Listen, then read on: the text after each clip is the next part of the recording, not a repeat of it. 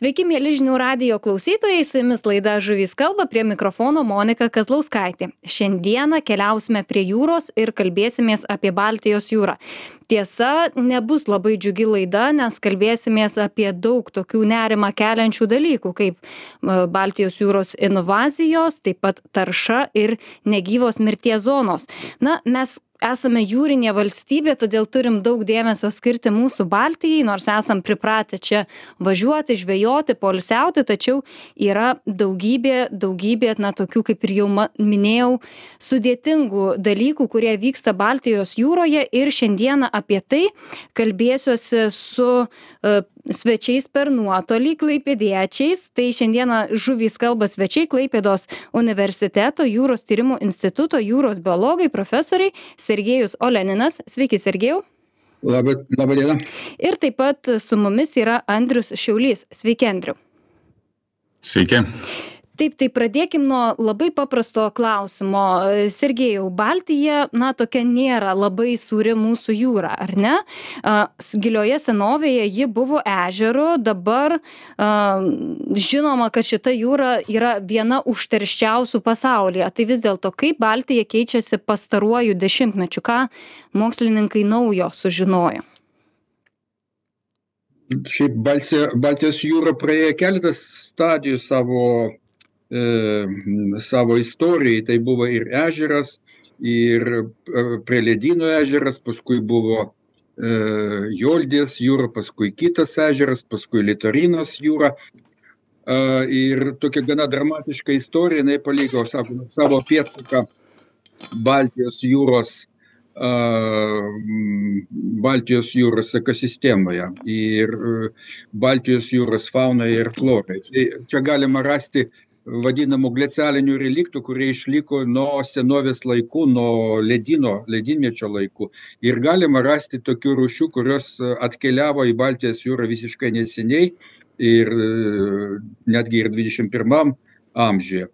Ir be abejo dabar vat, klimato kaita irgi jinai uh, atsispindi Baltijos jūros ekosistemoje, kaip jinai funkcionuoja ir kaip jinai, kas joje gyvena. Mhm. Mes prieš laidą kaip tik kalbėjom, kad aš esu skaičius tam tikrų straipsnių, tai turbūt kalbam apie populiarią spaudą, kurioje užsiminta, kad Baltijos jūra uh, surėja. Kokie jūsų pastebėjimai? Ar Baltijos jūra vis dėlto surėja, ar jinai priešingai darosi vis labiau gėla? Šiaip man neteko matyti, bent jau, nežinau, galbūt Andrius mane pataisys, bet moksliniai spaudoje aš nemačiau tokių žinių, kad atseit Baltijos jūra surėja. Tikrai ne, galbūt atvirkščiai netgi, nes vat, klimata kaita, pavyzdžiui, Baltijos jūros šiaurėje, jinai atsispindi to, kad tampa gausesni krituliai o kai gausesni krituliai, tai tada e, daugiau e, gėlo vandens patenka į Baltijos jūrą.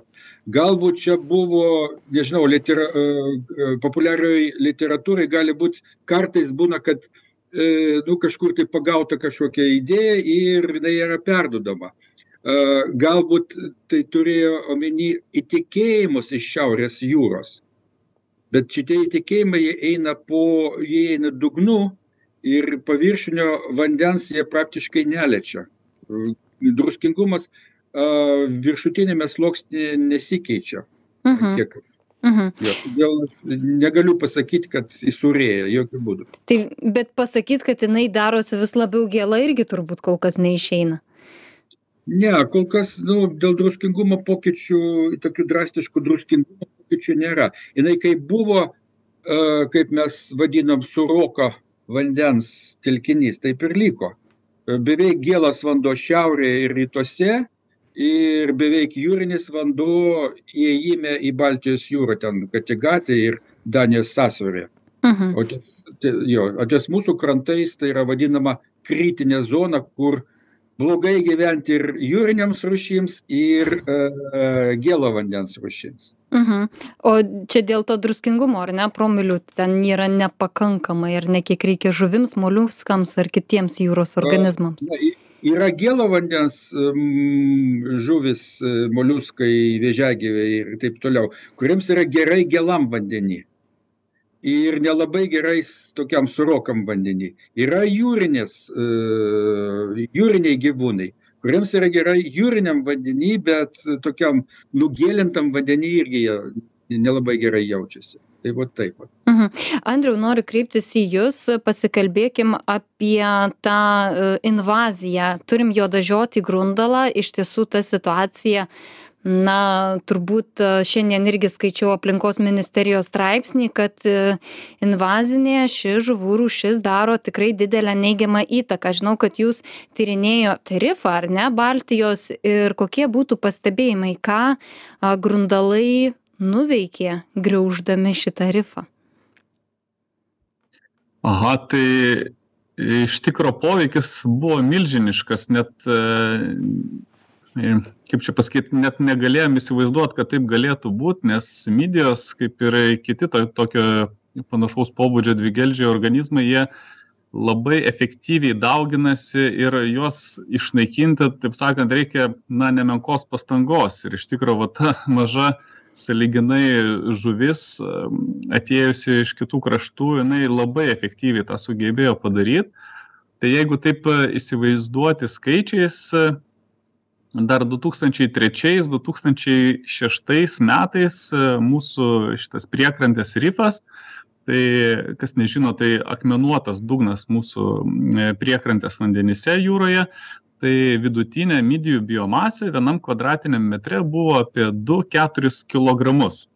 E, taip, jeigu taip įsivaizduot. Šiuo metu grundalas išėdė praktiškai visas midijas iki 12-13 metrų gylio ir e, seklesnėse zonose e, mes skaičiuojame gramais. Tai reiškia, iš kilogramų mes dabar turime gramus. Ir čia reikia nepamiršti kad midijos tai iš tikro yra viena pagrindinių rūšių mūsų rifuose tai yra e, pagrindinis filtratorius tai yra realiai e, kaip filtras biologinis kuris iš vandens stulpo filtruoja organines daleles e, skaidrindamas vandenį ir taip toliau. Taip pat tai yra svarbus maisto šaltinis kitom žuvim tai čia grundalas reiškia išėdęs e, midijas reiškia atėmė maistą iš kitų rūšių ir kas e, ne tai kad keisčiausia bet kas e, liūdniausia tai kad vienos iš tų rūšių tai yra žiemojantys paukščiai atskrendantys čia iš arktinių regionų peržiemoti ir pavyzdžiui kaip ledinės antys tai tai jų visa mityba turėjo pasislinkti per vieną trofinį lygį tai yra perėjo nuo nuo moliuskų iki žuvų kas e, kas iš tikro yra didžiulis didžiulis pokytis ir kitas dar dalykas tai kad jų mitybos rajonai iš rifų pasislinko rifų kurie iš principo yra saugomos jūrinės teritorijos pasislinko į visai kitas vietas. Tai tai reiškia dabar paukščiams svarbios teritorijos nebėra tos kurios buvo anksčiau Mhm. E, taip kad toks įvyko na, didžiulis kaskadinis efektas ir mes per visą mytybinę grandinę jaučiam didžiulį, didžiulį e, poveikį. Mhm. Gerai, bet jūs dabar paminėjot paukščių pavyzdį ir ne, kokios dar pasiekmės to kad e, to tie moliuskai buvo tiesiog išnaikinti tie tom pačiom žuvų kitom bendrijom kitiem organizmam Na labai sunku tiesiogiai tą pasakyti, e, nes vėlgi, kad apčiuoti, kaž, apčiuopti kažkokį labai ryškų na, pėtsaką reikia, kad tam tikras laikas praeitų, surinkti duomenų eilutę ir taip toliau. Midijų nikimas jis toks labai staigus, truko gal per tris metus, staigiai reiškia tai prieš tris metus buvo o dabar nebėra tai reiškia labai lengva pastebėti labai lengva apskaičiuoti e, kiti poveikiai tokie gali būti daugiau ilgalaikiai kai mes šiuo metu dar jų nestebim bet e, vat pavyzdžiui kaip filtravimo potencialo sumažėjimas kardinaliai kaip tai galėjo veikti ypač makrofitų bendrijas gilesnėse zonose kuriems reikia tiesiog skaidresnio vandens kad e, šviesa sugebėtų prasiskverbti į dugną ir jie galėtų tenais augti. Mes kol kas pasakyti negalim bet iš tikro teoriškai toks poveikis galėtų būti o jeigu jau makrofitai pradeda nykti arba siaurėti tai makrofitai yra pavyzdžiui e, nerštavietės strimelėms tai kas dar vieną tokį poveikį turi? Tai reiškia jau nerštaviečių nykimas. Tai čia yra labai kompleksinė problema ir aišku tuos visus galus sugaudyti yra pakankamai sudėtinga ir aišku mes dirbame ties tuo bet taip vienareikšmiškai dabar labai sunku būtų pasakyti jau vis, visus elementus, kuriuos veikia grundalas e, ir kiek jos veikia. Mhm, bet čia jau yra šimtų procentų aišku, kad tai juodažiočio grundalo darbas ir ne jokių kitų žuvų, ar ne? E, taip, tai tiesiog buvo per mytybos analizę padaryta, tai kad grundalo, kol dar buvo midijų, apie 95 procentus mytybos raciono sudarė midijos. E, dabar iš tikrųjų jis irgi midijas valgo, nes midijas spėja išneršti pavasarį, kol dar grundalas e, numigravęs į gilesnius rajonus. e, bet atėjęs grundalas vasarą, jisai tas jaunas midijas tiesiog nurenka po vieną ir jos nesugeba išgyventi iki kitų metų. Mhm. Tai, tai, tai, bet jo mytyba grundalo irgi pasislinko visai į kitas, dabar jau migruoja į smėlėtus rajonus atsimaitinti, tai jiem irgi pačiam šiaip tai nėra gerai, kad e, jo pagrindinio maisto šaltinio nebėra, nes jisai šiaip yra sesli rušis, neturi plaukimo šitos puslės, dėl to plaukiot nelabai mėgsta, mėgsta slėptis po akmenim ir dabar, kadangi ten maisto jo mažai yra, tai jisai toks šiek tiek pažeidžiamas. Mhm. Pats savo apsikartino gyvenimą, išrydamas viską ar net ten aplinkui. Bet man įdomu tas Baltijos rifas, mes dažnai matom per televizijos laidas, tose egzotiniuose vandenyse, koraliniai rifai, daug kalbama, kad jie nyksta ar ne. O Baltijoje mes turim daug tokių rifų.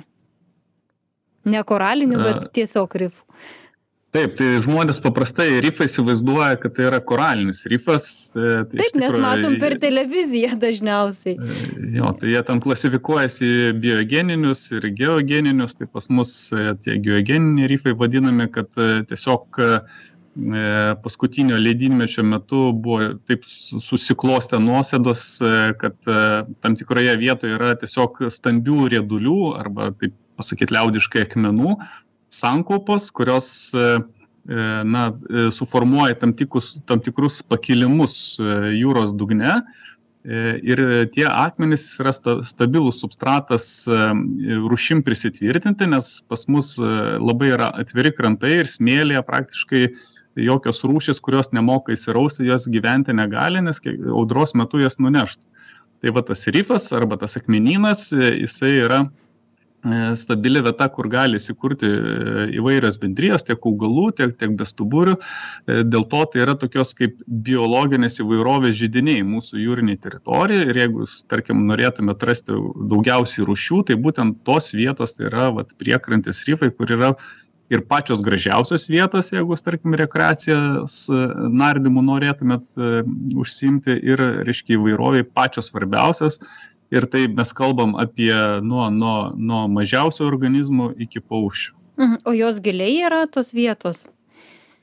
E, sekliausiai realiai nuo vieno metro gylio, jeigu kalbėtumėm tesnė mirsetą, bet o pats rifas jau eina gilin ir mes turime rifus giliausiai netgi iki 60 kelių metrų. Čia yra ties e, pasieniu su E, su Rusijos federacija. Uh -huh.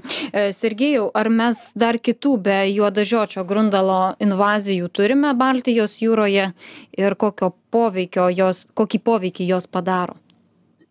Baltijos jūroje iš viso yra žinoma virš 200 svetimkraščių rūšių. E, tiksliau 225 rūšis, aš šiandien patikslinau mūsų duomenų bazėje Kvanys, kuri yra E, saugoma pas mus ir vystoma Klaipėdos universiteto jūros tyrimo institute. E, ir vat, patikrinau, 308 e, rūšis yra žinomas, žuvų rūšis. Ir iš jų penkios atkeliavo 21 amžiuje. Ir kas yra įdomu, iš šitų penkių rūšių net e, trys ir priklauso grundalams tai yra rūšys kurios e, keliauja iš vadinamo ponto kaspijos regiono. Tai yra didelis regionas nuo juodosios jūros iki kaspijos jūrą ir šitų upių kurios įteka į kaspijos jūrą į juodąją jūrą e, žemupiai. Tai yra estuari estuariniai rajonai. Vat iš tenai atkeliavo trys rūšys yra toks vadinamas grundalas pasiuntinys, e, lotyniškai babka gimno trachelus. Vot. Yra dar, dar du grundalai, kurios, kurie buvo ap, aptikti Estijai, Suomijai, o tas Lenkijai buvo aptiktas. Uh -huh. Ir dar yra įdomu, vot, čia yra visiškai mums negresia šitas, šitą problemą, bet Danijai aptikta murėna, murėnas ungurys Mhm. Toks įdomesnis jau čia atvejis, ar ne? Jo, jo, įdomesnis atvejis, bet tai, ten, aišku, ten yra druskingumas yra kitas. O šitos rūšis, kurios čia atkeliavo, grundalai, jie kaip tik gyveno uh, E, tokiuose nugėlintose rajonuose, ten, kur druskingumas trupučiuką yra didesnis ir gėlas vanduo, perinantis į jūrinį vandenį, kaip pas mus, pavyzdžiui, kuršių mariuose. Uh mhm. Bet sako, tai yra tas pasiuntinys, ar ne, kaip minėjote, grundalas. Jeigu ja. aptinkama Lenkijoje, kažkur prie Estijos, tai ne jau pas mus jie neužplauks. E, tikriausiai taip, nes e, jeigu rūšis atsiranda kažkur tai kaiminėse šalise, tai po, po, to, tam, po tam tikro laiko jos e, natūraliu būdu pas mus ir pateks. Bet įdomu, pavyzdžiui, su Grundalo, apie kurį Andrius kalbėjo, e, mes žiūrėjom jo istoriją, kaip jisai užkariaudavo Baltijos jūrą. Tai iš, iš, iš tikrųjų iš pradžių atsirado Gdansko įlankoje, Gdansko uoste tiesiog iš to mes padarėm prielaidą kad tikriausiai buvo atvežtas su laivais tikriausiai su balastiniu vandeniu. O paskui jisai tarsi taip vat tokiais šuoliais atsirasdavo. Tai klaipėdos uoste tai paskui estijoj tai e, švedijoj kažkur tai vienoj vietoj ir paskui jau iš ten toks antrinis paplitimas vyksta. Mhm. Tai, jo, tai žodžiu, jeigu saugot Baltijos jūrą nuo biologinių invazijų, tai reikia daryti tik tai tokiam um, regioniniu mastu. Vienos mhm. šalies čia neužtenka. Mhm. E, klausimas bendrai abiems, nežinau, kuris galbūt galės geriau pakomentuoti, kiek tenka kalbėti su žvėjais, tų vadinamųjų bičiokų, kurios kabutėse, sakau, juodažiočių grundalų, šiek tiek sugaunama mažiau, turiu omeny meškerę, mėgėjiškais įrankiais ar jų iš tiesų sumažėjo kas tai galėtų lemt ir ar dėl to maisto stygiaus jų tiesiog gali pradėt mažėt e, Tai galėčiau aš gal pakomentuoti, e, kadangi visą praėjusią vasarą nardžiau po mūsų rifus, tai vizualiai pasakyti, kad jų sumažėjo negalėčiau. Galbūt kas krenta į akį, kad jų dydis šiek tiek sumažėjo tai e, galbūt tų didžiausių individų ir nėra. Ir čia gal kaip viena iš priežasčių galėtų būti e, mūsų didieji kormoranai, kurie ties Plazės ežerų įsirengė didžiulę koloniją, gal esate girdėję. Ir iš tikrųjų jų pagrindinis maisto racionas yra būtent šitie jodažiočiai grundalai. Ir vienas augęs kormoranas e, mūsų ornitologai paskaičiavo, kad per parą suvartoja iki pusę kilogramo. Tai galit įsivaizduoti, jeigu kolonija yra apie tūkstantis virš tūkstančio paukščių, tai kad per dieną iš tikrųjų jie, jie tos grundalus gali gerokai apgaudyti ir aišku, tikriausiai jie, jie gaudo ne, ne pačius mažiausius, o pačius didžiausius kaip ir žvėjai nuo palangos tilto. Taip.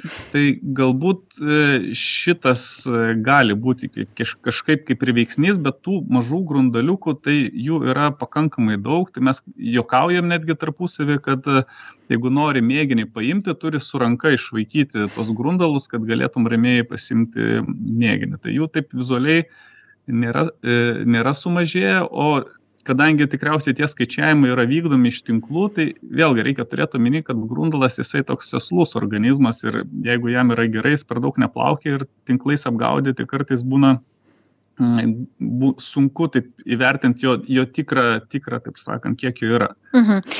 Apie Baltijos jūros invaziją šiek tiek pasikalbėjom, dabar turim padaryti pertraukėlę, bet po pertraukos kalbėsim šiek tiek uh, dar liūdnesne tema apie mirusias negyvas baltijos jūros zonas ką su jomis galima daryti ir ar pavyks dar mums kada nors ten atkurti gyvybę likit su žinių radiju labai greitai sugrįšim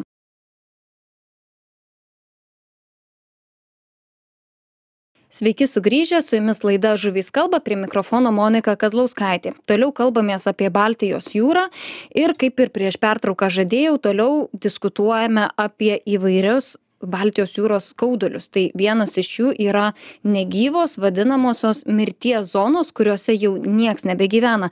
E, sergėjau kas tai yra per zona kiek teko skaityti straipsnių pranešimų spaudai kad tas negyvos e, jūros plotas jau yra didesnis už lietuvos teritorijos plotą?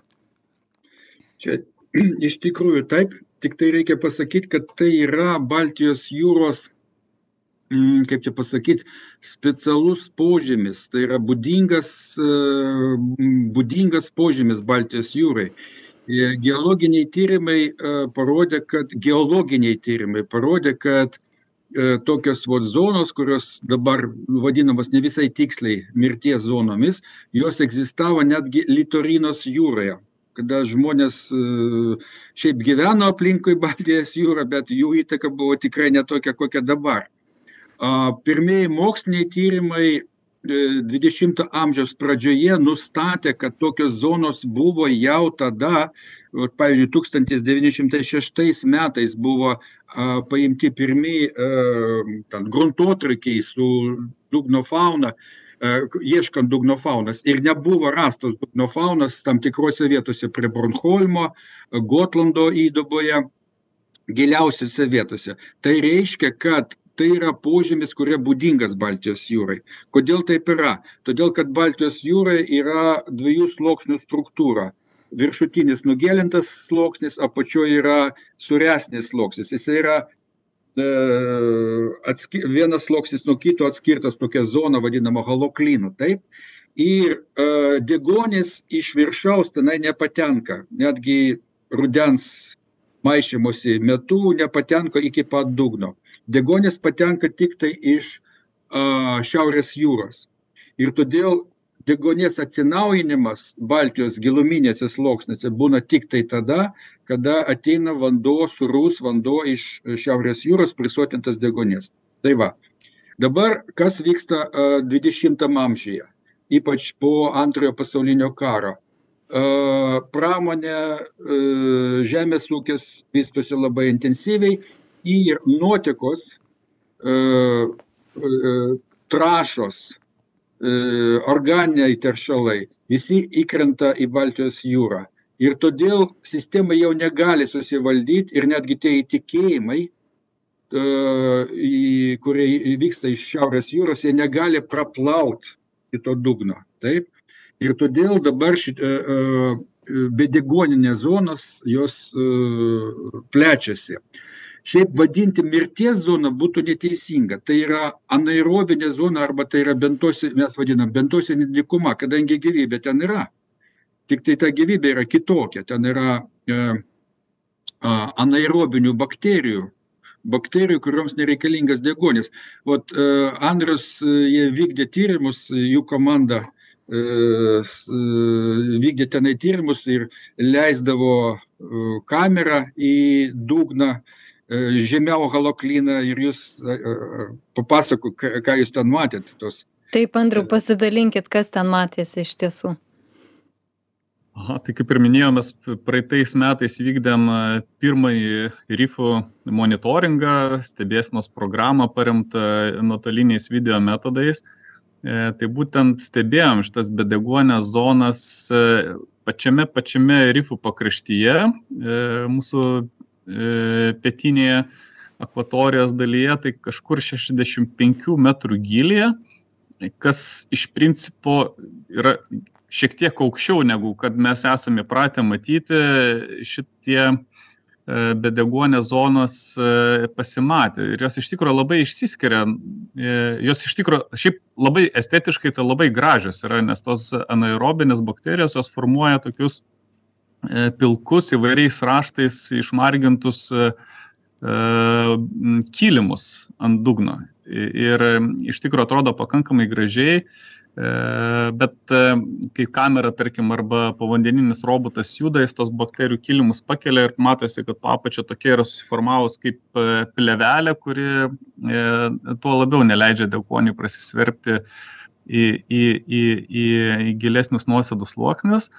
Ir taip pat mes tokias bedegonės anaerobinės zonas matėme intensyvaus stralavimo zonose. E, tai dabar žvejyba dugniniais tralais e, menkių yra uždrausta, bet kol ji buvo vykdoma arba dabar gilesnėse zonose dar mes senų tralų pėdsakų esam matę, tai jau galite įsivaizduoti, tral, tralų to šoninės lentos, jos palieka tokios iki pusės metro gylio griovius išruose jūros dugne ir gaunasi, kad nepažįstoje vietoje degonės dar yra, o tame griovyje reiškia susiformuoja tokia bedeguonė aplinka, tokia mikroaplinka.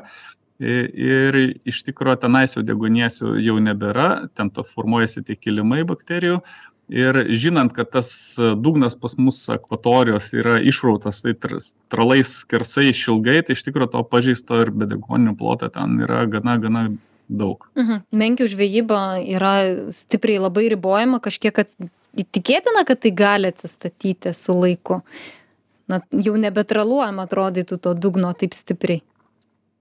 Čia matot kompleksinė problema ir deguonis yra labai susijęs su, su, su menkių nerštu, nes menkės neršia pakankamai giliai ir tose gilesnėse zonose, jeigu deguonies nėra, akivaizdu, kad ir nerštas neįvyksta.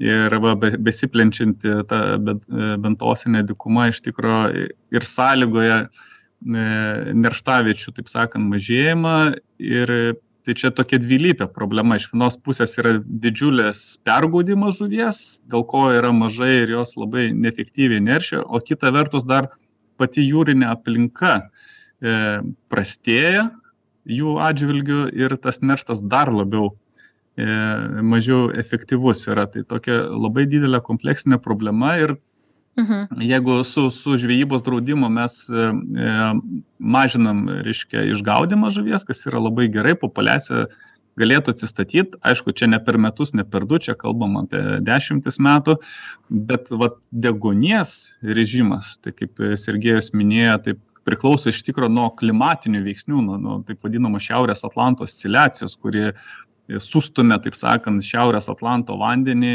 link e, Baltijos jūros. Mhm. E, tai, tai žmogus čia praktiškai galėt... bejėgis, taip išeina, ar dar nu, kažką gali padaryti? Ne, ne, vis, ne visai taip. Uh, nu, kadangi aš jau senai dirbu Baltijos jūroje, tai vat, galiu palyginti su to, ką aš pradėjau savo karjerą daugiau negu 40 metų atgal, tai mes tokių vaizdų nematėm, kad uh, būtų uh, bedegoninė zona 60 metrų, 65 metrų giliai. Tikrai to nebuvo. Tai jinai prasidėdavo ten 80-90 metrų giliau. O dabar jinai pakilo į viršų. Tai jeigu pirmas dalykas, kurį reikia keisti, tai aišku, vat, reguliavimas žvejybos, taip, čia teisingai, bet yra kita didžiausia Baltijos jūros problema, tai yra eutrofikacija, tai yra perdėtas perteklinis e, trašų e, biogenų patekimas į Baltijos jūrą, dėl ko organinė medžiaga krenta į dugną ir ten, ten mikrobai daro savo darbą ir išeikvoja degonį. Vat čia yra svarbiausia problema. Mhm. Jeigu, jeigu, jeigu eutrofikacija bus pažabota, tai tada galima atsistatymo tikėtis. Ir šiaip tai yra daroma nemažai, nes e, azoto ir fosforo patekimas į Baltijos jūrą, į Baltijos jūrą į, nu, bent jau dabar sustabdytas netokiais kiekiais, jisai ne, nebeauga kaip anksčiau.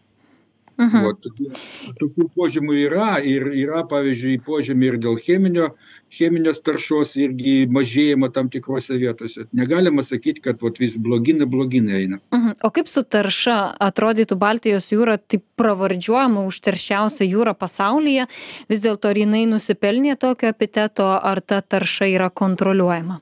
Žinokit, aš e, sakyčiau taip, kad e, negalima sakyti, kad aplink Baltijos jūrą gyveno tokie, kaip čia pasakyti, teršėjai e, žiauriausiai, kurie labai skiriasi nuo, e, nuo kitų. E, jokių būdų. Čia yra tiesiog dėl to, kad Baltijos jūros ekosistema yra labai labiausiai pažeidžiama, nes jinai yra uždara. Jeigu pažiūrėti kartais, kas darosi viduržymė jūros krantuose, tai baisu pasidaro, tiesiog baisu ką va tenka mums matyti tenai, vykdant mūsų tyrimus, mūsų institutas irgi tenai dirba. A, todėl, ne, tiesiog jinai yra jautri labai. Ir todėl, pavyzdžiui, kai kurių elementų tarkim, tokių kaip gyvsidabris, jo koncentracijos tai yra penkis kart didesnės negu, tarkim, viduržymė jūroje arba Atlanto pakrantėje Europos. Mhm. Kadangi jūs abu esate jūrų biologai, nežinau, kiek galiu paklausti apie žuvis, bet jeigu žuvis plaukoja, na, tokiam gyvsidabrio pripildytam vandenį, koncentracijos didesnės nei kitose jūrose, ar jos perima tą gyvsidabrį ir į save? Taip, perima. Yra toks procesas, kuris vadinasi biomagnifikacija, tai kada teršalai tiesiog kaupiasi ir kuo aukščiau stovi organizmas trofiniai, tokie mytybos grandinėje, tuo daugiau jame kaupiasi teršalų. Taip plėšrūnai visą laiką turi ar ne daugiausiai kuo aukščiau. Taip ir kauno mariose buvo aptikta žuvų kurios irgi turi gyvsidabrio. Čia tiesiog šiek tiek lyrinis nukrypimas nuo jūros. Ir pabaigai noriu paklausti jūsų apie klimato kaitą. Toks atrodytų jau nuvalkiotas tas terminas klimato kaita. Kasdien apie tai visi kalbam. O kaip tai keičia baltijos jūros veidą ar kažkaip atsiliepia tai konkrečiai baltijai galbūt vanduo šiltėja o gal priešingai šaltėja? Na, mes e, apie klimato kaitos e, pasiekmes susirgėjome, puikiai įsitikinom savo akimis, nes pas, pastaruosius penkerius metus intensyviai Arktėje dirbam, Svalbardė, kur uh, tiesiog e, e, žiūrint į tą patį ledyną, atvykus kitais metais, tu matai, kad dalies jo jau nebėra. Ta prasme, ten, ten dešimtimis metrų ledynai tirpsta, tai tenais na, yra akivaizdus tie procesai. Ką mes ta, stebime čia Lietuvoje arba Baltijos jūroje, mes kaito, klimato kaitos kontekste mes kalbam apie scenarius, tai yra prognozijas 50 metų į priekį, 100 metų į priekį. Ir kaip pradžioje jūs klausėte, E, dėl šito e, gilėjimo arba surėjimo, tai čia yra scenarijai. Tai vienas scenarius yra, kad e, padaugės gėlo vandens, kitas scenarius yra, kad sumažės, nes atseit mažės upių nuotėkis į, į, į, į jūrą ir dėl to jinai surės. Tai, tai yra scenarijai, bet tai yra na palyginus kas vyksta šiuo metu ašigaliuose mūsų tai yra nepalyginami dalykai. Ypač baltijoj kadangi tas vanduo jau taip ar taip jis yra toks nei jūrinis nei gėlas tai kad ten druskingumas pasikeis nuo septynių promilių iki šešių su puse tai nemanau kad turės kažkokio lemiamo efekto. Temperatūra vėlgi jinai galbūt kažkiek tos šiltesnės e, žiemos gali lemti, kad na, tam tikros rūšis galbūt tenais norės įsikurt labiau Andriau, negu kitos pertrauksiu, nes laikas bėga. Atsirado pas mus Baltijos jūrai ir pas mus jau kuršio mariuose viena rušis, kurios kilmė yra Meksikos įlanka. Oho. Meksikos įlanka, jo. Rangė kuniata, dvigeldis moliuskas, jį jau galima kartais aptikti ir uh, vat, uh, krauklinė, kuris formuojasi ten aplink kuršių marias ir kart, vat, ties Melnragė čia buvo aptiktos tokias krauklytės jo, tai yra rušys, kuris e, kilusi iš tenai, iš praktiškai subtropinių regionų ir dabar jinai polaipsniui užkariauja Baltijos jūrą. Vėlgi jinai atsirado iš pradžių e, Aismarėse, paskui pateko į Lenkijos pusę, į Švediją, pas mus, dabar Estijoje atsirado.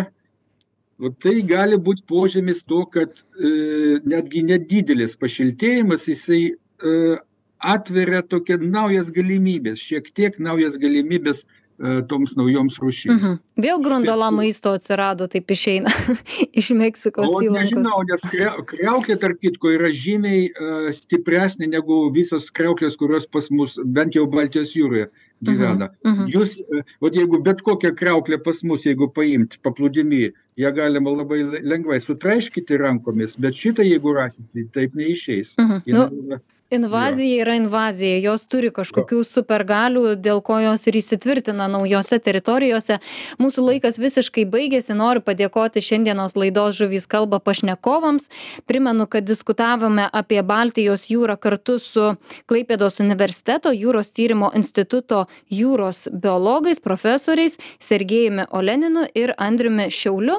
Prie mikrofono buvau aš monika kazlauskaitė ir laida žuvys kalba sugrįš jau pas jus kitą trečiadienį tuo pačiu laiku. Dėkui kad buvot drauge su mumis ir iki kitų mūsų susitikimų. Iki malonaus